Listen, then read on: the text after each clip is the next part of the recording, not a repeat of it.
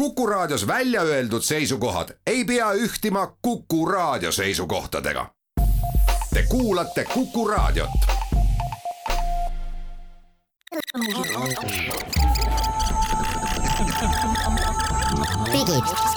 digitund. digitund.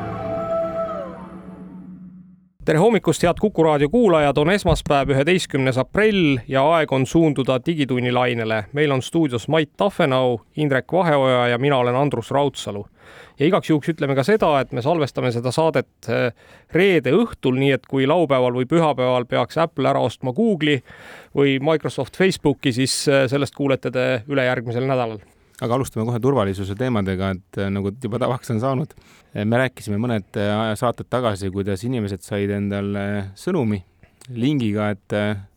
maksa või anna natukene oma krediitkaardi andmeid meile ja siis me anname sulle sinu DHL-i pakki, eks ju, mida sul võib-olla ei olnudki tellitud. igatahes on olemas ka Eesti riigil lahendus, mida tegelikult kasutades on sul võimalik endast selliste rünnete vastu äh, noh, teoreetiliselt kaitsta, kas ta kõige vastu kaitseb, on iseasi, aga, aga ühesõnaga on CERT-testi andnud välja rakenduse, mis on rakenduste poes kättesaadav ja mille funktsionaalsus on siis neile teadaolevate pahade saitide nimesid mitte tõlgendada, ehk siis su telefon ei tea, millise serveri poole pöörduda, kui sa sellisele lingile klikid ja selle jaoks, et niisugust rakendust äh, endale saada, peate te minema siis oma telefoniga rakenduste pooli, poodi ja otsima siis kas RIA või Encrypted DNS nimelist rakendust. aga noh, sisuliselt tähendab see siis ikkagi seda, et, et, et sulle äh, kas siis tekitatakse sulle üks siis äh, VPN äh, ühendus sinu telefoni või, või kuidagi kirjutatakse siis telefoni DNS-i seaded üle, et, et mida, mida see siis tähendab lõpuks, et kas see ühendus, noh, minu, minu küsimus õigupoolest on see, et et kas see lõppkokkuvõttes tähendab seda, et sinu ühenduskiirused lähevad alla?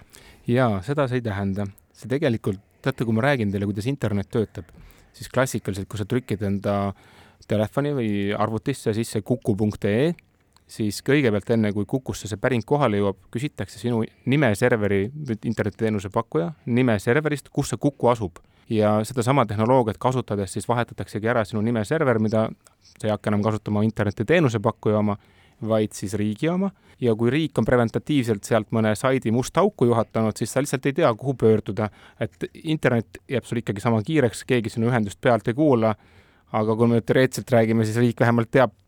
kuhu sa pärid, aga ta ei tea, kes seda teeb. aga see on umbes sama, samamoodi siis nagu Putini internetis toimub, et, et kui paned sisse CNN, siis juhatatakse musta auku või? tead, see on õige küsimus, aga noh, samas internetiteenuse pakkujat sa niikuinii usaldad, eks ju, neid nimepäringuid tegema, et miks sa ei võiks siis riiki usaldada ja pooltel inimestel, ma tean, on ka pandud, noh, kas just pooltel, aga suurel hulgal inimestel on Google'i DNS sinna pandud, et ega see on samasugune risk, et noh, nemad samamoodi siis näevad, et keegi neid nimesid pärib, aga miks sa seda päringut teed, seda enam juba keegi ei tea ja ei, ma olen sellega täiesti nõus, et, et, et tegelikult on väga mugav, kui keegi ikkagi sellised noh, teada-tuntud pahalased sult kuidagi nagu välja filtreerib, et et noh, ma olen ise ka erinevaid selliseid lahendusi oma elus kasutanud ja, ja noh, ütleme, et seesama, ma muuseas sain ka sellesama äh, siis äh, kurikuulsa DHL-i, äh, DHL-i sõnumi ja ja noh, mis seal salata, eks, et neid pakke mulle aeg-ajalt ikkagi tuleb ja noh, ütleme, et kuigi kunagi raha ei ole küsitud ja noh, see ikkagi juba tekitas must nagu väikese niisuguse küsimärgi, on ju, aga see sait ise nägi tõepoolest välja nagu DHL-i sait, et midagi öelda ei ole, on ju. mul oli sama, kusjuures sain teate ja just, just olin Amazonist tellinud, arvasin, et ongi minu pakk tulnud ja Äh, muidugi kahtlast sõnumit vaadates ikkagi kontrollisin ennem üle. ma toon tegelikult nüüd praegu olen ka ära valideerinud, et äh, seesama sait siis selle RIA rakenduse kaudu oleks olnud mul juba kohe tõkestatud, ma ei oleks sinna saanud minnagi no nii et mõistlik oleks igal juhul, äh, kui noh, sul on saabunud erinevaid selliseid õngitsemiskirju ja igasuguseid pakiteateid ja nii edasi, siis see väikene update ära teha endale ja, ja tõmmata see alla, eks ju. ma riputan ka selle, selle meie Facebooki lehele üles, et, et kui keegi ei suutnud seda keerulist nime meelde jätta, siis panen sinna lingi, kus on kõik vajalik olemas väga hea, aga, aga jätkame siit samamoodi telefonide turvalisuse teemal, et möödunud nädalal siis tuli selline uudis, et on üks digiturvalisuse firma nimega AppSensus Äh, kes siis avastas, et on äh, terve rida äppe, kus on siis kasutatud äh, mingisugust koodijuppi ühelt siis ettevõttelt nimega Measurement Systems mis tegelikult siis lõi nende kasutajate telefoninumbrid täpsete GPS koordinaatide andmebaasi. ja noh, ütleme, et need numbrid olid päris hirmuäratavad, et et noh, loomulikult see measure või AppSensus andis siis Google'ile teada, et, et, et selline asi on juhtunud, Google'i App Store'is sellised äpid on, selle peale umbes niisugune kümmekond äppi korjati sealt App Store'ist ära äpid muuseas olid põhiliselt siis tegelesid kas ilma ennustamise, politsei kiirusemõõtjate koha näitamise, QR-koodide skaneerimisega või palvetamisega, nii et, et kui keegi on nagu viimasel ajal mõnda, mõne sellise äpi endale Google'i App Store'ist tõmmanud, et siis vaadake järgi. aga, aga nüüd küsimus on selles, et vot ma kohe tahan ühe numbri välja öelda, mis on oluline, et need äpid olid laetud umbes kuuekümnesse miljonisse telefoni et sellest ei ole suurt kasu midagi, et nad on äh, ära koristatud äh, sealt App Store'ist, eks ju, ega inimeste telefonidest need kadunud ei ole, kuuekümnes miljonis telefonis, okei okay,, ütleme viiekümne üheksas miljonis telefonis on nad igal juhul olemas. kindlasti, kindlasti Aha. jah, et, et selles mõttes, et, et noh, tasub üle vaadata tõesti, et kui te olete mõne kahtlase ilma ennustamise äpi alla tõmmanud, et siis, siis vaadake, et kas ta veel täna App Store'is saadaval on ja, ja, ja kui ei ole, siis kustutage see äpp ära. ja see palvetamise äpp oli seotud Koraaniga siis, et, et et äh, kui keegi on siis mingeid muid äh, usutunnistust äh, ja usumaterjale kasutavat äppi tõmmanud, siis need ei tohiks olla ohustatud otseselt. teate, aga ma ütleks siia niisuguse asja, et esiteks ei ole see esimene kord, kui sellist tüüpi nagu probleem juhtub, et see on enam-vähem mitu korda aastas ikkagi jälle on niisugune samasugune uudis kusagil üleval, et Google järjekordselt on meeletu hulga rakendusi maha võtnud, mis siis väärkasutavad nagu teie antud lubasid, noh, olete lubanud asukoha informatsiooni põhjusel või teisel. ja teate, vahel isegi see, et see võib olla lihtne mingi kaamerarakendus, mis samamoodi nõuab teie asukohta, sest noh, teie fotodel on telefonis asukoha informatsioon sagedasti küljes. nii et selles mõttes on see loogiline, et nad küsivad, aga nüüd on küsimus, et noh, mis nad selle informatsiooniga siis peale hakkavad. nii et mul on natuke teistsugune soovitus, et see on iseenesest normaalne, et sa tõmbad endale ilmarakenduse ja ta küsib, kus sa oled, et näidata sulle asukohapõhist ilma aga pigem on küsimus, et kui sa ikkagi seda rakendust ei kasuta, et ta on lihtsalt igaks juhuks on sul alla laetud, no ära hoia, kustuta ära. aga kui kasutad?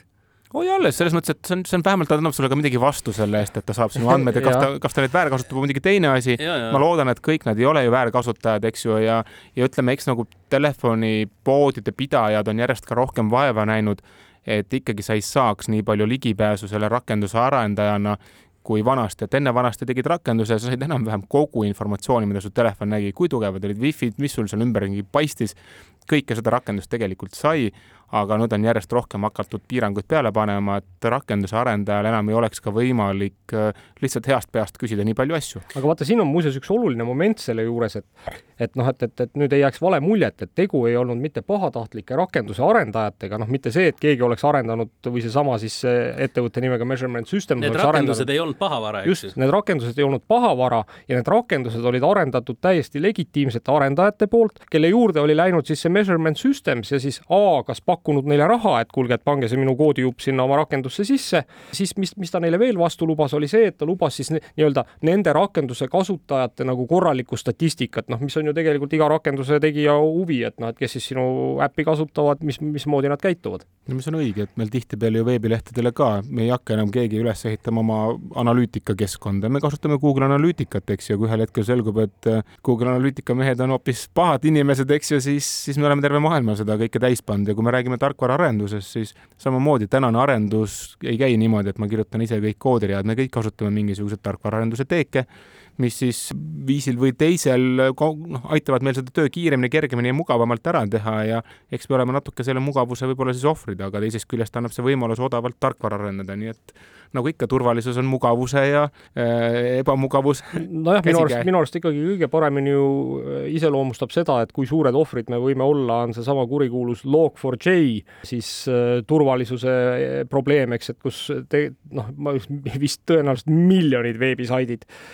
kasutasid seda ühte siis teeki, mis tegelikult lõpuks tuli välja, et on täiesti ebaturvaline. aga ta oli ebaturvaline sellepärast, et üksik mees kõrbes, kes seda arendas, enam mingil hetkel noh, tead ikka, kõik teevad vigu esiteks ja ta ühel hetkel polnud ka sinna võib-olla nii palju uuendusi teinud ja samas oli juhuslikult välja tulnud, et ta võib-olla ise ei teadnudki, kui populaarne tema tehtud tükikene oli jah, aga võib-olla siitkohalt noh, ütleme, et kui me lihtsalt illustreerimaks, et, et kui nii-öelda ulatuslik see petturite probleem on, et et muuhulgas ei pruugi olla üldse nagu väga tehniline inimene või see tehn-, see pettus ei pruugi olla üldse tehnoloogiline. nüüd teadaolevalt on siis äh, kaardistatud sellised juhtumid, kus nii Apple kui Meta jagasid petturitele andmeid ja, ja, ja, ja jagasid siis niimoodi, et et tegelikult on Ameerikas siis kehtestatud niisugune kord, et juhul, kui sa tahad kellegi isikuandmeid saada, pead sa selleks tegema noh, vastavad avaldused ja nii edasi, aga juhul, kui on tegu hädaolukorraga, noh, vaata, me võime kujutada ette, et ma ei tea, inimene on kadunud kuhugi, eks, et teda otsitakse taga, eks on nagu kahtlus, et kas ta on elus ja nii edasi. et siis võib teha ka kiirpäringu ja selle jaoks ei ole vaja noh, täita mingisuguseid erilisi pabereid, ei ole saada, vaja saada mingisugust kohtuniku luba ja, ja, ja tegelikult on, on väga raske kindlaks teha, et kas see pärija siis on nagu legitiimne näiteks FBI töötaja või ei ole. me jõuame jällegi sinna, et, et see inimese faktor tuleb, eks ole, et, et, kui, et, et see on alati kõige ohtlikum. teadaolevalt siis ikkagi õngitseti päris massiivselt niimoodi inimeste andmeid, noh siis nii IP aadresse, telefoninumbreid, koduseid aadresse ja nii edasi ja, ja noh, midagi ei ole teha ja nüüd teine näide sellest, kuidas siis äh, nii-öelda inimfaktor on oluline, et siis äh, juhtus siis äh, ettevõttega Block, mis on siis endine Square ehk, ehk siis suur Äh, finantstehnoloogia startup, eks on ju, või noh, kui startup ta nüüd enam on, kus siis üks töötaja lahkus ja, ja, ja pani pihta nagu pärast tuleb välja, noh, oli tal ligipääs siis äh, väga paljudele kliendi andmetele ja pani sealt mingisuguse hunniku pihta. ega täpselt keegi ei teagi, kui palju, igatahes on siis äh, see plokk saatnud siis umbes viiele miljonile oma kasut-, äpi kasutajatele siis sellise teate, et noh, kuulge, et võimalik, et teie andmed on kuhugi läinud rändama, et olge hea, vahetage ära oma salasõnad ja nii edasi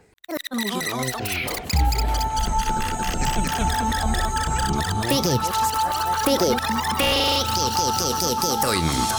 digitund.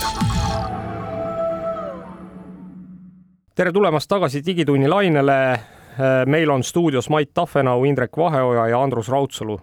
eelmises veerandis rääkisime natuke arvutiturvast ja, ja sellega seonduvatest probleemidest, aga räägime nüüd eelmise nädala kõige suuremast võib-olla uudisest, kindlasti äh, noh, ütleme, et rahaliselt väga suurest uudisest ja ka selles mõttes, et, et kui paljusid inimesi see potentsiaalselt mõjutab, nimelt siis meie lemmik miljardär äh, Elon Musk äh, tembutab jälle ja Elon Musk siis möödunud nädalal ostis Twitteris suurosaluse, omandas lausa üheksa koma kaks protsenti Twitteri aktsiatest sai ka Twitteris siis äh, nii-öelda juhatuse või nõukogu liikme koha, ma ei tea, kas see board seat on seal inglise keeles üks ja sama, eks Eesti mõistes. no sai direktoriks kohe ikkagi, üheks direktoriks. jah, just nimelt. noh, on lubanud muidugi siis äh, kõvasti täiendusi, noh, nüüd on selles mõttes siit on muidugi huvitav rääkida, et ma ei tea, võib-olla räägime neist täiendustest, mida ta on lubanud, et lubas edit nupu tuua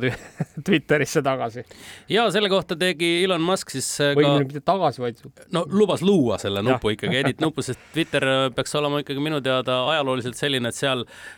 noh, nii nagu sul torust tulnud on, nii need asjad ja sinu säutsud seal üleval on, ega sellega sai ju ka Donald Trump siin kõvasti ju kuulsust seoses sellega, kui ta ikkagi õhtuti mm, hoogu läks ja Twitteris säutsus, aga Elon Musk tegi siis oma kontol küsitluse, kus ta küsiski väga lihtsalt, kas sa tahad edit button'it või ei taha ja seal oli üldiselt tema jälgijate poolt antud nelja koma nelja miljoni hääle seis selline, et seitsekümmend kolm koma kuus protsenti ütlesid, et tahavad ja kakskümmend kuus koma neli protsenti ütlesid, et ei taha, et no veerand, ütleme mm., ei soovinud, kolmveerand soovis, et jah, et võiks ikkagi muuta küll ka hiljem. aga põhiküsimus on nüüd selles, et mida see endaga kaasa toob, et noh, kujutage ette, algul kirjutan mingisuguse ühe asja ja siis ma sujuvalt lähen muudan selle ümber ja siis pärast ütlen, et kommentaatorid on imelikud no see oht on alati selliste momentidega, no näiteks Facebookis võtta, kus saab ka ju postitust muuta, eks ole, et teised on seal juba tükk aega reageerinud ja, ja näidanud, mis on vaidlus on edasi läinud, aga ma arvan, et äkki jääb näha see märkus, et on editid et no see on, see on loogiline. see oleks loogiline. põhiküsimus on selles, et kas saaks näha seda, mida sa siis ka muutsid, et noh, et kas sa muutsid sisu või parandasid oma komavea, eks ju. no vot siis jällegi teistpidi mõttes noh, ma ei tea, kas on vaja sellist logi nagu järgi näha, et, et noh kui ta on lihtne sul selline eh, komavea parandus või sihuke väike tähevea parandus, siis nagu mis sa sellest ikka vahid, kuulge, kuulge, aga ma ütlen teile, teate mis või?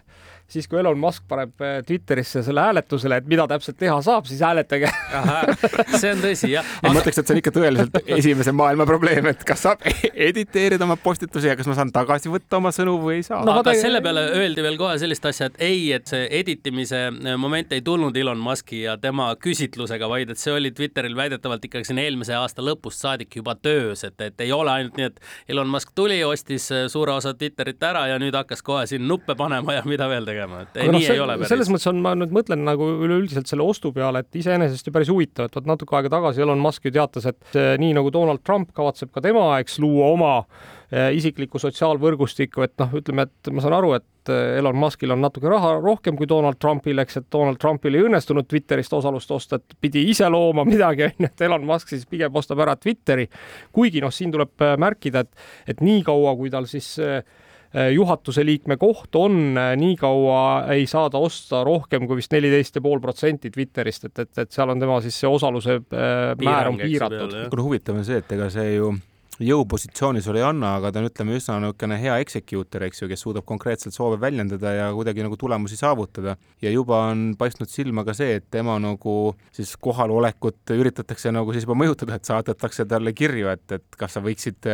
eemaldada tsensuuri näiteks ja lubada Donald Trumpi sinna tagasi ja ühe- ühesõnaga üritatakse ära kasutada sellist siis olukorda No, no, kas nüüd Elon- Musk kaasa läheb, ei tea, eks. Elon Musk on ju öelnud, et tema on absoluutse sõnavabaduse kaitsja, et tema sellist noh, nii-öelda tsenseeritud tõde ei ole talle vaja, et, et ta tahaks kõigil lubada rääkida. et selles valguses peaks ta nii Trumpi kui ka ma ei tea, ISISe ja, ja kelle iganes tagasi lubama, venelased samamoodi. ja jah, no ütleme, et ega noh, samas noh, mina näen seda natuke ka võib-olla nii, et tõeliselt äh, rikas inimene, kes saab endale lubada, eks ja noh, kuna ta on ju ise suur Twitteri kasutaja ja fänn, eks ja noh, noh, ega me ju siin viimased kuu aega noh, on meid saatnud näiteks see komöödia, eks, et kus nad seal Rogožiniga ehk siis äh, Roskosmose juhiga üksteist äh, nüpeldasid ja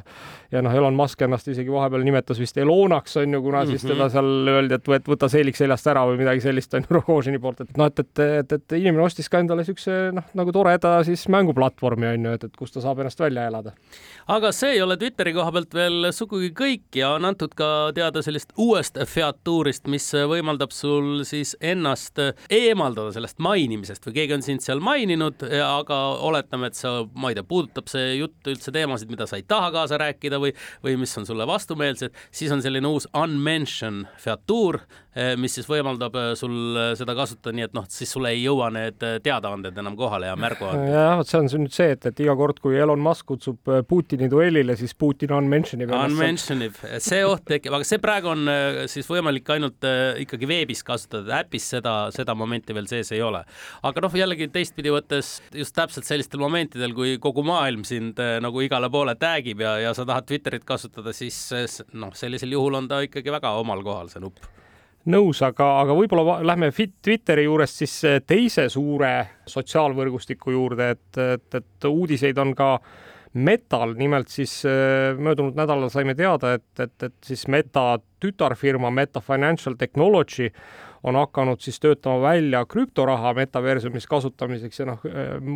üllatus-üllatus, eks sisemiselt kutsutakse seda Zuckbuckiks Eesti keeli võib tõlkida siis zakipapp, selle oleks ka täitsa okei okay. just,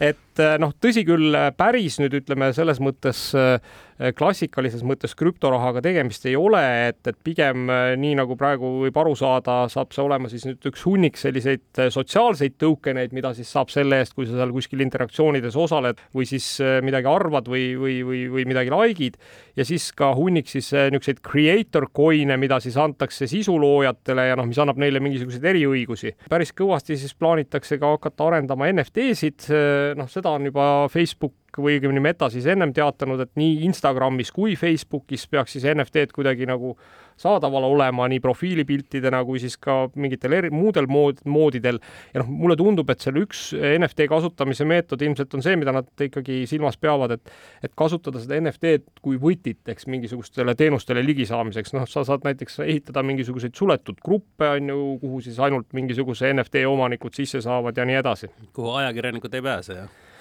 jah, just kuhu, kuhu ajakirjanikud ei pääse ja see, see võib omandada ka teatava väärtuse, see NFT, eks, et lõppkokkuvõttes noh, kui on mingisugune grupp ikkagi, kus on nagu väga juicy't informatsiooni, siis lõppkokkuvõttes võid sa selle ju NFT panna OpenSea'sse müüki ja, ja, ja, ja siis noh, ütleme, et ajakirjanikud võivad seda sealt siis üritada osta. osta jah, ja, ja selle informatsiooni siis kätte ja, saada. mõne Ethereumi eest on ju -hmm. noh, igatahes selles mõttes on päris huvitav, et, et tõenäoliselt siis tekib sotsiaalvõrgustikes võimalus äh, kuidagi siis oma nii-öelda osaluse pealt raha teenida. ma arvan, et see on täiesti uus mõõde, aga, aga ma ei tea, et ma arvan, et siit võime edasi minna NFT-dega ja, ja räägime sellest, et noh, kui me nüüd mäletame, siis äh, Samsungi telekad, siis uued telekad, mida jaanuarikuus esitleti, pidid hakkama siis äh, näitama teleka ekraanil siis NFT-sid, noh juhul kui teil on nagu suurepärane kollektsioon, eks siis on võimalik neid kõigile oma sõpradele näidata kõiki neid äh, igavlevaid ahve ja, ja, ja mida iganes muud. Ja noh, ebaselge oli see, et kuidas neid NFT-sid seal siis äh, need, need, kuidas nad sinna telekasse õigemini jõuavad. ja tänaseks on siis Samsung välja öelnud, et ta hakkab koostööd tegema siis Nifty Gateway'ga, mis on maailmas suuruselt teine NFT-de müügiplatvorm, noh OpenSea's on selgelt kõige suurem ja noh, kaugelt kõige suurem, aga NFT on või siis vabandust, Nifty Gateway on, on siis selline noh, ütleme, et kauge number kaks ja ma arvan, et, et see, et ta nüüd nagu sellisel kujul koostööd hakkab tegema, võib-olla annab talle ka päris hea boost'i. ma arvan, et see on kahel põhjusel oluline uudis, et esiteks sellepärast, et noh, ma arvan, et Samsung oleks üsna tobe olnud, kui nad oleks teinud mingi oma poe ja üritanud jälle ise seal kuidagi midagi ägedat teha, et pigem liidestada ikka ennast suurte tegijatega, eks ju jah, olgem ausad, ega Samsung ei ole ka väga hea tarkvara tegija, noh, vähemalt minu arvates mitte. no enamasti kipuvadki olema niimoodi, et nad tegid valmis ja siis unustavad ära, keskenduvad juba uuele, eks ju, ja samal ajal saab oma vanaga pead ise hakkama saama. ja teine kindlasti oluline põhjus on see, et sa võid osta ka oma NFT kunsti kokku, aga noh, ongi küsimus, et mis sa sellega peale hakkad ja noh, loomulikult need asjad võivad olla kahtepidi, et kui ostad, ostad omale avatari, noh, ehk siis mingisuguse profiilipildi, noh, sa saad tore, saad Facebookis endale selle külge pookida aga kui sa ostad ikkagi nagu tõesti mingit ilusat kunsti või, või ilusa foto endale ja sa tahad seda kusagil ka näidata, et, et noh, sa seda välja tõenäoliselt ei tahaks printida, sa tahakski vaadata oma ilusas nutikas galeriis, et, et miks see telekas peab näitama meil seina peal seda musta auku sel ajal, kui ta ei tööta, näidaku neid NFT-sid, mis ma olen kokku ostnud. ja kusjuures mina kujutan ette, et kuidas see asi võib eriti ägedalt tööle hakata, on see, et noh, ütleme, et sa täna, eks omandad nagu ühe pildi, on ju, see on sul telekas seal seina peal ja, ja noh, kujutad nüüd ette seda reaalse maailma juhtumit, et kus sul on seina peal üks noh, ma ei tea, maal või, või graafiline leht ja noh, ja mingil hetkel noh, ta on, on, eks, sa tahaks midagi uut ja noh, ega siis sa pead võtma selle füüsiliselt maha, panema selle kapi taha ja panema asemele, asemele uue. aga nüüd on sul ju see võimalus, et sa müüd selle oma NFT maha, onju, ja selle raha eest ostad uue ja kõik see käib seal teleka sees, onju. ja, ja telekapuldiga igavled seal õhtul ja siis klikid järjest, ostad ja müüd jah kuulge, aga, aga, aga siit viimane NFT uudis ilmselt on see, et ka Dropbox täna siis Ameerikas äh, katsetab äh, võimalust, et Dropboxi kasutajad saaksid siis läbi siis sellise beeta tarkvara nagu Dropbox Shop panna siis kõik seal Dropboxis oleva digitaalse sisu müügile. Ja no sinna võid sa panna siis oma kas muusikat või videoklippe või pildikesi, mida iganes ja näiteks kas siis Stripe'i või PayPaliga saad maksta ja osta ja müü ja vaheta ja tee, tee nii palju, kui jõuad, et et see praegu on jah, ainult Ameerikas, aga üldiselt peaks olema nii kõikidele siis kas Dropbox Basicu kui Professionali kasutajatele siis tulevikus saadaval see on hea oluline hetk meenutada, et see Dropbox on siis lihtsalt laialt levinud faili jagamise platvorm, eks ju, mis siis nagu otsib endale uusi võimalusi, et lisaks failide jagamisele saad neid ka kuidagi, kas siis allkirjastada no,, müüa. noh, kui failid, failid sul juba on, eks, mis nendega veel teha saab, onju. noh, õigemini failid on tema käes, onju, eks ta siis võimaldab nendega ka muid tegevusi.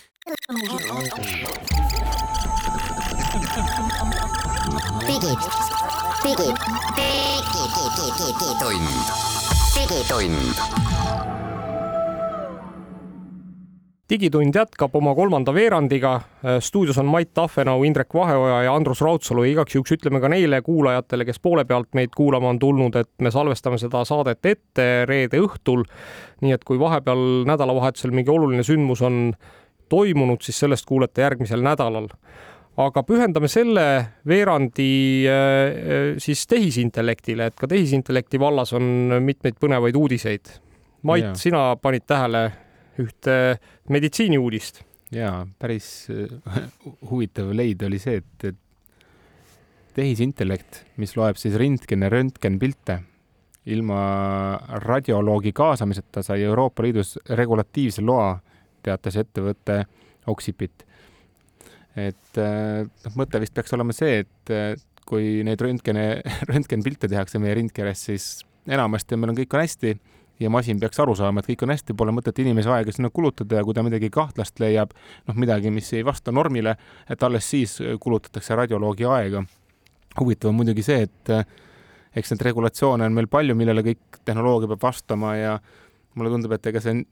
päris sellega kõik ei piirdu, et see nüüd maailmas kohe lendama hakkab, aga, aga loogiline on, et, et inimese aega kasutada ikkagi sinna, kus see on väärt kasutamist. mina mõtlen, et seda peaks äh, saama kasutada nüüd näiteks noh, kui meil on Eestis teadaolevalt, no mujal maailmas kindlasti ka, pikad äh, ravijärjekorrad ja pikad äh, siis analüüsijärjekorrad samamoodi, sest pilt tuleb suhteliselt kiiresti sulle digilukku ülesse, aga võib-olla õnnestub seda, noh, ma siin spekuleerin, eks ole, kasutada siis selleks, et sa oma pildi laed sinna, noh, ma ei tea, õigesse kohta ülesse ja kui sul midagi häda ei ole, noh, saad vastuse kiiremini kätte. ma isegi ütleks, et võib-olla ongi meil pärast on robot on, eks, et lähed arsti juurde, sa käid sealt kastist läbi, masin analüüsib ära ja kui on midagi kahtlast, siis alles siis kulutab siis sekkub inimene, eks ju ja, ja tegelikult ma ütleks, et see on minu arust hea näide, kuidas tehnoloogia potentsiaalselt võib päästa inimelusid, sest arstil jääb aega tegeleda nendega, kes päriselt arsti aega väärivad jah, tõsi, see on igal juhul põnev, aga noh, ega muidugi eh, teada ja kindel ei ole, et kas ja kuidas inimesed sinna oma noh, infot üldse saata saavad, eks, et kas ma oma röntgenpildi, pildiga sinna kuidagi löögile üldse pääsen. aga, aga eks, eks see ühel hetkel, ühel hetkel on see tõenäoliselt kõikides äh, haiglates olemas või tuleb kaasa siis äh, röntgeniaparaadiga juba, nii et nii et see, et need masinad lähevad targemaks ja teevad pool tööd inimese eest ära, on igati mõistlik. et ega seda on muuseas ju noh, ütleme, et seda tehisintellekti nagu kasutamist nüüd mujal meditsiinivaldkonnas on ju ka päris, päris palju on leitud talle ikkagi selliseid, just selliseid kasutusvaldkondi, kus ta siis avastab mingisuguseid mustreid, mida nagu noh, palja silmaga inimesed lihtsalt tähele ei pane, eks, et, et suurte andmehulkade seest on võimalik noh, avastada mingisuguseid hälbeid ja selle tõttu siis ka noh, väga hästi diagnoosida teatavaid haigusi, mida on muuseas väga raske diagnoosida. Ja, ja kusjuures niisugused analoogsed seadmed on varemgi juba nagu ütleme, legaliseeritud, lubatud näiteks on olemas siis ai seade või noh, tehisintellekti seade, kes siis suudab näiteks diabeediga seotud silmaprobleeme tuvastada, et, et ka niisugune luba on antud, selles artiklis viidati. noh, aga, aga loodame sellele, et, et äh, neid tuleb järjest juurde, sest nagu me teame, siis meditsiinipersonali meil napib. et, et, et siis see töö, mida masinad teha saavad, et seda võiksid masinad siis ka ära teha inimese eest aga minu arust äh, oli möödunud nädalal üks hästi tore uudis, rääkis äh, hoopis tehisintellekti nii-öelda loomingulisemast poolest. et äh, OpenAI siis selline uurimisgrupp on, on ehitanud siis pikka aega noh, kuidas ma siis ütlen, tehisintellekti nimega DAL-E ehk mis on siis nagu noh, segu Salvador Dalist ja, ja siis tuntud robotist Wallist. ja sellest on nüüd siis väljas Äh, teine versioon ja, ja, ja noh, ütleme, et kahju, et raadio ei saa pilti näidata, aga nüüd peame siis natuke mitteortodokselt üritama teile kirjeldada, aga aga tõepoolest ta on siis võimeline, see tehisintellekt on võimeline nii-öelda sõnalise kirjelduse järgi looma täiesti nagu adekvaatse pildi. Ehk siis põhimõtteliselt ei ole nendel NFT-del enam mingit mõtet, et ma tahan öelda diivani ees, et ole hea, joonista mulle merevaade ja siis masin joonistab sulle täiesti uute, uue unikaalse merevaate no, no ega see, sellel, sellel on ka oma väärtus, nüüd küsimus, et kui, kuidas sa seda hindad siis, eks, et kui kalliks kui või kui, kui väärtuslikuks sa seda hindad ja kui hästi. ja aga mis on, mis on, mis on noh, ütleme, et ma lihtsalt tahaks tuua ka ühe näite, et noh, et, et siin on siis näitena on toodud ka ära, et näiteks on palutud tal joonistada ähm, kahte mängukaru, kes hullumeelsete teadlaste kombel, kandes küberpungi riietusi, segavad äh, sädemeid pilduvaid kemikaale. noh no pilt tekib kohe ette kõigile, eks jah, aga kusjuures see pilt, mida see siis seesama tehisintellekt on siis joonistanud, on ääretult äge, on ju, ja, ja ei noh, ütleme, et väga realistlik, noh, selles mõttes, et, et noh, väga-väga kirjeldusele vastav, aga ka noh, väga äge, et ta ei ole kuidagi niisugune nagu kuidagi pinnapealne või sketši, eks, et kujutan ette noorte väga detailirohke kunstivõistlust, et kes suutis ilmekamalt kirjeldada. Aga noh, mis seal salata, ega kirjandusteosed ju samamoodi, ma mäletan lapsepõlvest Lindgreni raamatust, kuidas kabardiin roheliste pükstega mees kõndis, eks, et noh, see on ju kirjanduse nagu väärtus, et me no, peame suutma ilmekalt kirjeldada. ma arvan, et ka seda hakkab varsti tegema üks teine tehisintellekt, kes, kes sinu eest seda kirjeldab ja ilmselt küll, aga üks teine vahva tehisintellekt on veel siin toimetamas ja tema nimi on siis Aida. Ja Aida on üks noh, põhimõtteliselt võib öelda siis bioonilise käega seotud kunstirobot ja tema siis võtab ühe pildi tegemiseks korralikult ka aega, ütleme niimoodi, et seal umbes viis tundi ja viie tunniga teeb ikkagi valmis pildi, mis näeb ikkagi väga-väga adekvaatne välja. ta on äh, tehtud niimoodi, et noh, kui talle anda siis ma ei tea, sama ülesanne mitu korda järjest, ta ei tee täpselt samasugust pilti. et noh, võib-olla ma hakkasin siin oma peaga kohe muidugi äh, kiiresti mõtlema, nagu see popp on, et äkki saaks, õnnestuks seda kasutada ka kunstivõltsijatel, kes siis äh, peaksid andma talle noh, ülesanne kätte, et tee Mona Lisa Lisa näiteks järgi või midagi sellist. ma saan küll aru, et see Aida on minu arust just täpselt programmeeritud selleks, et ta teeks ikkagi unikaalset kunsti. ja ta teebki ja. unikaalset, jah. et, et ta ei ole, ta ei ole mitte jäljendaja, onju. aga noh, ma väikene seal täiendus tarkvaras ja ma arvan, et on võimalik ka ikkagi väga edukalt ka siis sellist kunsti kopeerida, aga praeguse seisuga ta teebki täiesti unikaalset, unikaalset kunsti, nagu sa, Andrus, ütlesid et jah, ühesõnaga, kui Talle tegi digitaalselt asja valmis, siis Aida suudab sellega päriselt paberile manada. ja no need on täitsa siuksed no ma ütleks täitsa adekvaatsed pildid, et ei ole nii ka, et laps on võtnud äh, kätte pintsli ja plätserdab, vaid on siuke täitsa siuke, on varju ja sügavust nendel piltidel ja, ja siit võib-olla edasi äh, tehisintellekti teemadel, et Google siis, kes teatavasti on ju ka päris suur äh, tehisintellekti baastarkvara arendaja, siis teatas sellest, et nad on valmis saanud siis oma uue, täiesti uue tehisintellekti arhitektuuri, mida siis kutsutakse äh, Pathways Language Model ehk lühidalt PALM. Ja mis täna on siis äh, sellisel tasemel, et ta suudab inimest edestada pea kõigis äh, siis äh, asjades, mida, mida üldse me võime ette kujutada, et teha on võimalik muuhulgas siis loomulikult aritmeetilised arv, arvutused, igasugused loogilised tehted, asjadest arusaamine ja mis võib-olla on olnud ikkagi noh, mis on, mis on väga kõva sõna, eks, et ta suudab aru saada naljadest ja suudab äh, nii-öelda ka nalju lahti seletada, et miks need naljad siis naljakad on. Mis äh, noh, ütleme, et ma arvan, et äh, on ikkagi väga inimlik, on ju, et, et ja, siin. ja teistpidi võttes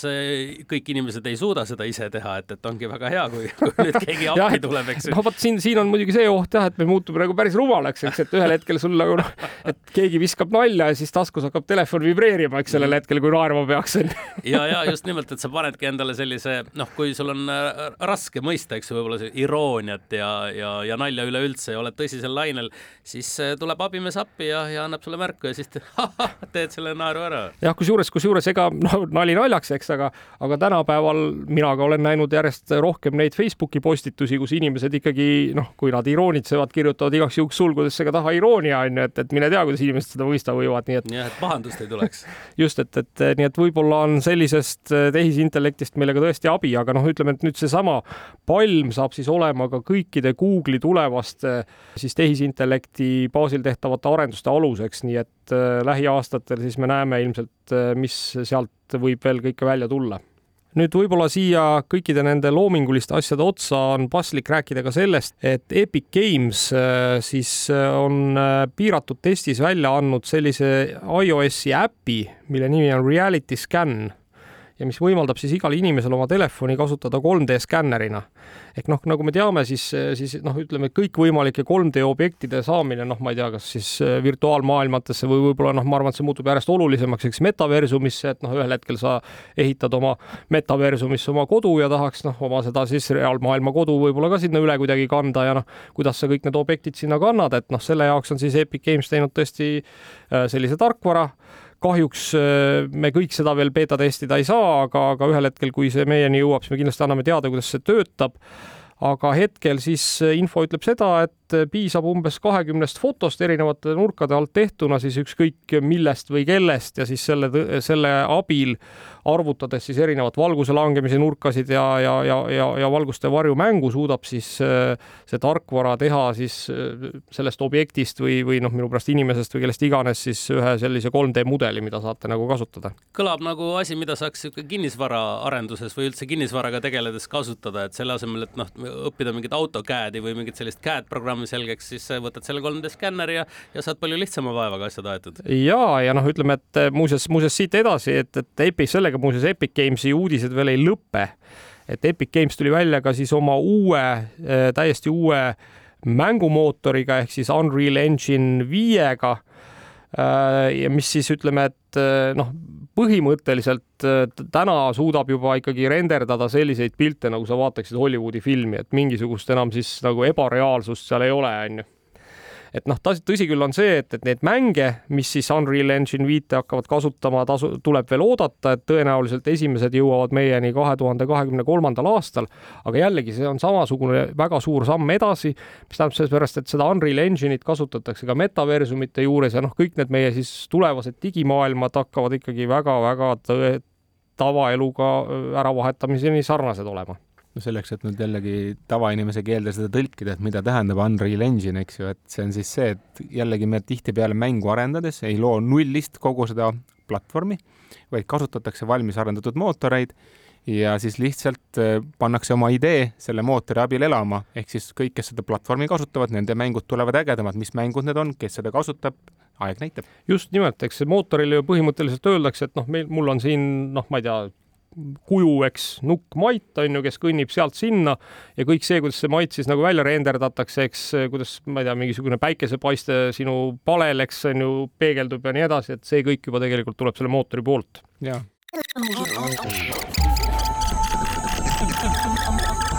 digid, digid, digitund, digitund tere tulemast tagasi Digitunni lainele, meil on stuudios Mait Tafenau, Indrek Vaheoja ja Andrus Raudsalu. Mait, sina lugesid siin äh, mõned päevad tagasi ühte uuringut, äh, mis rääkis sellest, kui palju me digiprügi tekitame, et eh, tahad sa seda natuke ka raadiokuulajatele avada? jaa, et siin ei olnud isegi tegelikult mitte digiprügist otseselt, vaid sõna otseses mõttes prügist, et Telia avaldas uuringu, kus väidetavalt ligi kolmkümmend protsenti ettevõtetest hävitab tööarvutid peale esimest kasutusringi et ma ei oleks isegi kõige koledamas unenäos arvanud, et, et nii palju arvuteid minema visatakse. kolm, ma, ma ei tea muidugi, ütleme, et noh, ma võiksin, ma küsiks kohe, et kuidas see uuring oli tehtud, et mina olen tihti näinud ka seda, et et kolmkümmend protsenti arvuteid hävitatakse ettevõtte töötajate poolt juba nende kasutuse käigus. esimesel aastal. ma võin sealt öelda, seal uuringus on niimoodi, et äh, ligikaudu siis äh, kakskümmend kaks protsenti ettevõtetest kasutab arvuteid äh, neli aastat, kolmandik ettevõtetest kasutab kolm aastat, kolmkümmend protsenti viis aastat ja vaid kuuendiku kasutusperiood on siis üle viie aasta. et nad üldiselt ikkagi kolm, kolme aastaga on siis kolmandik ettevõtteid juba oma arvutipargi kusjuures, kusjuures noh, iseenesest äh, ma saan sellest täiesti aru, et noh, et sõltub nüüd selle ettevõtte profiilist, noh, ütleme tõenäoliselt ongi erinevaid ettevõtteid, on neid ettevõtteid, kellel on ükskõik, millised arvutid neil kasutusel on ja need kasutavad siis ka viis ja kümme aastat vanu arvuteid ja noh, need tihtilugu ilmselt ei ostagi uut arvutit, vaid ostavad selle arvuti juba kasutatud peast. ja siis on ettevõtted, kellel kindlasti on oluline, et nende töötajatel oleks noh, kõige kiiremad arvutid, et noh, kui me nüüd mõtleme selle peale, et et sa näiteks noh, ma ei tea, renderdades mingit filmi, eks on ju noh, on väga suur vahe, et, et, et kas sa renderdad seda filmi, noh, ma ei tea, jupikest, eks mingisugune tund aega või, või, või, või terve öö läbi, eks. jah, või terve öö läbi või, või, või, või ma ei tea, või, või, või kakskümmend minutit, eks, et, et, et see, selle, selles, selles kohas on kindlasti see noh, nii-öelda arvuti kaasaegsus oluline. ja noh, minu arust mulle tundub küll ka see, et, et, et ikkagi niisugused progressiivsemad ettevõtted kasutavad täna pigem sellist arvuti renditeenust, kus arvuti siis noh, mingisuguse aja möödudes, mis igas, mis iganes kokku on lepitud, viiakse su juurest minema, tuuakse uus asemele, noh, mis on siis ütleme, et äh, samaväärne sellel hetkel ajas, eks, et noh, et kui sul oli nagu kõige kõvem arvuti, siis sa saad nagu noh, ma ei tea, kahe või kolme aasta pärast jällegi kõige kõvema arvuti on ju, et. teate, ma loodan esiteks, et need ettevõtted, kes sellist äh, käitumist äh, noh, viljelevad, neid tegelikult sattus valimisse palju ja tegelikult see pilt nii hull ei ole, aga, aga võib-olla on ka aga noh, tõenäoliselt põhjus, miks nad seda teevad, on muidugi nagu turvalisuse pärast, eks, et nad ei tahaks, et ettevõtte andmed kogemata selle arvuti müügiga satuvad halbadesse kätesse, aga aga noh, jällegi mina ütleks, et äh, on olemas ka väga palju meetmeid, kuidas see arvuti on võimalik niimoodi tühjendada, et, et sealt andmete taastamine on ikka tõeliselt raske ja, ja, ja mõeldes, kui palju me kulutame looduse ressurssi selle arvuti tootmiseks, siis on see ikkagi nagu äh, see on ikka päris hirmus mõelda ausalt öeldes, kui me lihtsalt meelega viskame töökorras tehnikat minema, kuigi on võimalik see nagu teha puhtaks. jah, ütleme, et ega seal mina mäletan näiteks seda, et, et, et kuskil noh, see oli juba ikkagi viisteist aastat tagasi, kus ühes Eesti juhtivas pangas ikkagi kuskil IT-osakonnas oli kaks suurt puurpinki ja siis kõik kõvakettad, mis arvutitest välja võeti, siis neile lasti seal puurpingis kohe augud sisse, onju, läbi kõvaketaste, noh, ütleme, et noh, tegelikult kui nüüd päris, päris tõsiselt võtta, siis ka selliselt kõvakettalt on teatavate meetoditega võimalus andmeid taastada, noh, küsimus on nüüd muidugi selles, et kas see andmete taastamine sellist nagu pingutust väärib või kas need andmed on seda väärt ja noh, tõenäoliselt oli ka siis ilmselt mingeid kõvakettaid, millel isegi auke sisse ei lastud, vaid noh, ma ei tea, mis siis nendega tehti, on ju, et, et hüdraulilise pressi alla ilmselt pandi. jah, kuidagi nii, et, et, et sealt kunagi enam mitte, mitte midagi kätte ei saa ja noh, loomulikult on olemas selleks ka digitaalsed vahendid, et olen ise kasutanud oma töös ka, eks ikkagi selliseid tarkvaralisi vahendeid, mis noh, tagavad ka üsna kindlalt selle, et, et ühegi kõvaketta pealt enam midagi kätte ei saa ja muuseas Maci kasutajatele võin öelda, et päris kindlalt, kui te kasutate Apple'i krüpteeritud kõvaketast ehk, ehk sedasama siis krüpteeringut, mida Apple'i süsteem teile pakub või macOS, siis sealt on ikkagi praktiliselt võimatu andmeid kätte saada, seda kinnitavad noh, ikkagi kõik allikad. no ütleme niimoodi, et kui sa tõesti arvuti kõvaketta oled kõigepealt ehk siis krüpteerinud, mida niisama lugeda ei ole võimalik ja kui sa pärast veel kustutamise käigus sellega nagu lased noh, kasutades turvalist kustutamismeetodit täiesti nagu null ja täis kirjutada, jah, ma ütleks, et see on, arvuti on okei okay.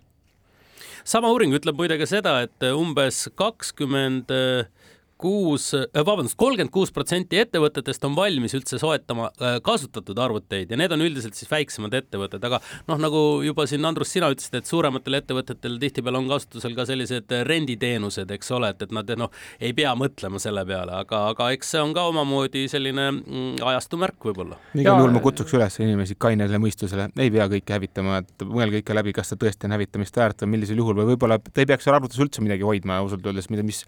ei tasuks, peaks lekkima, et, et kui te tahate tõelist turvalist ettevõtet, siis tehke tööd nii, et arvutis ei olekski faile, sa lihtsalt töötled neid äh, mingil teenuse kaudu. et see on palju targem tegu. jaa, aga no ütleme, et siit siinkohal ilmselt äh, oleks mõistlik rääkida pilveteenustest. et noh, ütleme, et kui me hoiame oma faile pilves, siis, siis ju neid sisuliselt arvutis ei ole, et, et Mait, kas sina uurisid ka seda uut äh, Microsofti siis äh, äh, avaldust, kus nad siis rääkisid sellest, et, äh, et, et, et nii-öelda Windows kolm kuus viis peaks siis kuidagi Windows üheteistkümnega arvuti sees olema, ehk siis Microsofti pilveoperatsioonisüsteem avaneb kuidagi sinu arvutis. see on selles mõttes õige, õige jutt, et et tegelikult esiteks tänapäeval, palju meil üldse seda arvutit vaja on, et täna on võimalik rentida endale virtuaalne arvuti kuskil pilves, täpselt nii võimas, kui sul vaja on ja sa teed tööd seal ja mida nüüd Microsoft siis äh, hiljuti välja ütles, on see, et nende virtuaalarvuti, mis on pilves äh,, selle integratsioon sinu tavalise arvutiga suureneb, ehk siis töö tegemine virtuaalarvutiga läheb järjest mugavamaks ja mugavamaks ja ja ma olen jumala kindel, et üks päev see ongi selles, et meil ei olegi mingit erilist arvutusvõimsust vaja, et see kõik töötabki pilvepõhiselt, noh, seal on muidugi omad riskid ja eks see tavaline arvuti kuhugi ei kao, aga aga läheb järjest mugavamaks ja muuseas, siit, siit ma tahaks kohe edasi öelda, et, et, et pilv kui selline muutub järjest kättesaadavamaks, et noh, tihtilugu ka üks probleem, eks selleks, et miks sa ei saa neid pilveressursse kasutada, on see, et, et noh, sa ei pruugi neile lihtsalt igalt poolt mugavalt ligi saada. ja noh, me teame juba seda, et Starlinki satelliidid täna töötavad suurepäraselt äh, Ukrainas näiteks, aga Starlink on endale saamas konkurenti, nimelt on siis äh, Amazon pikalt ette valmistanud äh, siis ähm, äh, kuidas ma nüüd ütlen siis asja nimega Project Kuiper, äh, mis on siis sisuliselt Starlinki konkurent. ehk Amazon plaanib kokku lasta orbiidile kolm tuhat kakssada kolmkümmend kuus satelliiti, mis siis hakkavad täpselt samamoodi nagu Starlinki satelliidid pakkuma internetiühendust igal pool üle maailma. huvitav, kas varsti päike ka veel paistab? No vot, eh, mine tea jah, eks see selles mõttes, et kusjuures, kusjuures tuleb, eh, tuleb tunnistada, et, et, et siin vist eh, kurjad keeled ütlevad ja minu teadmised, et, et lisaks Amazonile ja, ja siis SpaceX-ile on vähemalt üks või kaks firmat veel, kes kavatsevad midagi samasugust ette võtta, aga noh, lõppkokkuvõttes on see, ma arvan, tarbija jaoks kasulik, sellepärast et kui meil oleks üks monopolist, kes on siis kogu meie planeedi lähiorbiidi ära monopoliseerinud oma satelliitidega ja pakub sealt internetti, siis noh, me ju kõik teame, mis juhtub monopolismi olukorras, hinnad lähevad äh, jaburaks ja nii edasi selles valguses on muidugi hea teada, et kui päike enam ei paista, siis Stanfordi insenerid, insenerid on siis äh, leiutanud päiksepaneelid, mis suudavad toota elektrit ka öösel ja aga enne seda, tead, Mait, ma ütleksin korra ühe asja ära, et, et päike võib ise mängu tulla seoses sellega, et äh, siin oli alles äh, veebruari lõpul, kui oli see geomagneetiline torm, eks ole, või päikesetuuled, kuidas neid rahvapäraselt nimetati, siis see hävitas äh, neljakümne üheksast äh, üles lastud Starlinki satelliidist nelikümmend ära ja need põlesid ikkagi, kukkusid alla ja põlesid atmosfääris ära, nii et, et kui me muretseme selle pärast, et satelliite saab nii palju, et päike enam ei, läbi ei paista, küllap siis päike hoolitseb selle eest, et mõned augud ikkagi tekivad juurde. Aga nüüd ja siis ühe põneva uudise juurde, mis on siis eh, teada antud seda, et jah, on võimalik nüüd ka siis öösel päikesepaneelidega energiat tootada. Ja seda on siis Stanfordi insenerid eh, uurinud ja leidnud siis eh, seda, et öösel paneel siis kiirgab ka välja soojust ja, ja seda soojust, mis on, on võimalik siis kinni püüda ja rakendada omakorda siis selleks, et energiat uuesti kätte saada no vot, nüüd me suudame ka pimedusest äh, valguseenergiat toota, see on küll suurepärane. peab olema lihtsalt selline öö, et pilves ei tohi olla, pilvi ei tohi ees olla, et siis, siis, siis on okei okay. satelliidid võivad olla, jah? satelliidid võivad ees olla, nad on piisavalt väikesed.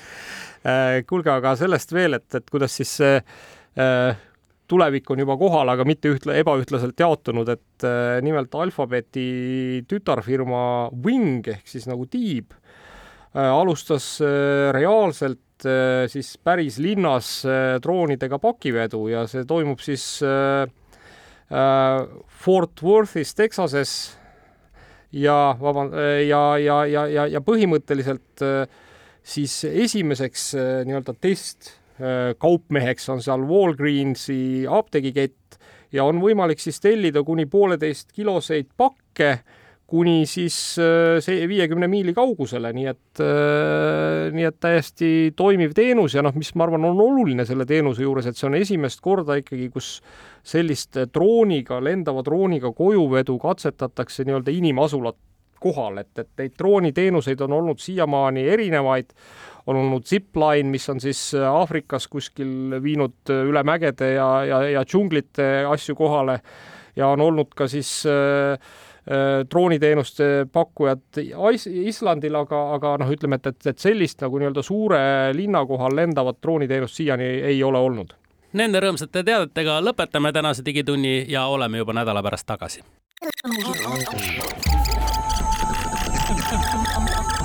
digi, digi, digi, digitund, digitund